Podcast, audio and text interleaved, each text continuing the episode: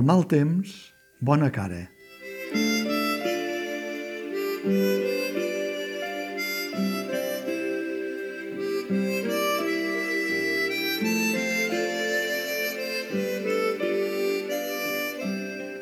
Mire, fan un pere. Aquesta podria ser una expressió que s'anés fent habitual, si no s'hi ha fet ja, entre els espectadors assidus a la comèdia, al teatre d'entreteniment, aquell que fa evadir dels mals de caps fins i tot a qui diu que no li fa gens de gràcia l'humor. L'actor Joan Pere, també dramaturg, és el perfil d'aquella mena de gent de teatre de tota la vida, capaç de crear espectacles a la seva mida. Ve d'una llarga escola tradicional i ha fet també escola. M'atreviria a dir, per exemple, que el tàndem Joel Joan i Héctor Claramunt van pel mateix camí.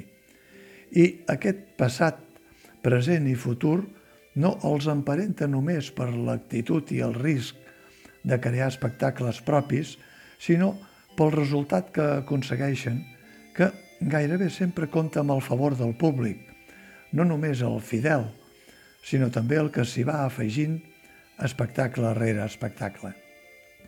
Joan Pere s'acompanya en aquest espectacle d'un altre actor conegut pel seu vessant humorístic, David Olivares, sobretot, és clar pel seu paper televisiu a Polònia. Ells dos i el director Enric Llort es repengen aquesta vegada en una sèrie de la BBC de l'últim quart de segle passat, a la dècada dels 70, la de l'actor i cantant Michael Crawford i Michel Dautrice, de títol homònim.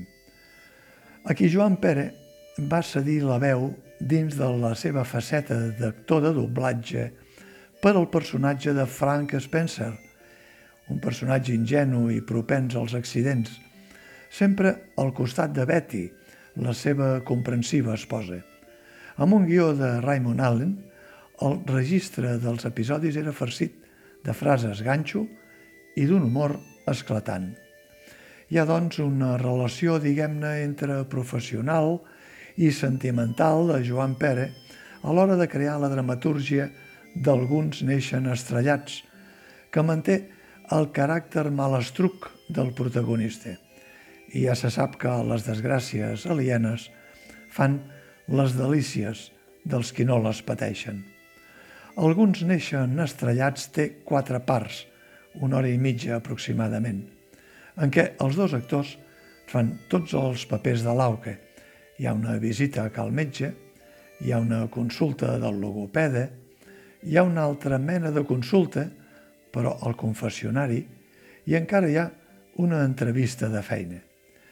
Joan Pere té l'avantatge que per les seves característiques encara pot fer els papers més joves dels que li pertocarien per edat la mateixa trama en mans d'un altre actor de la seva generació sense aquestes característiques es podrien veure poc creïbles. En el cos i ànima de Joan Pere, però, tot és possible. Fins i tot la facilitat amb què encomana els seus dots de mal estruc a tothom amb qui tracta, és a dir, amb els personatges que fa David Olivares. De la mateixa manera que hi ha cinema d'autor, literatura d'autor i fins i tot ràdio d'autor. També hi ha teatre d'autor, més aviat d'actor en aquest cas, d'un actor que sembla que tingui un poder d'adaptació als mals temps i que sempre hi acaba posant bona cara.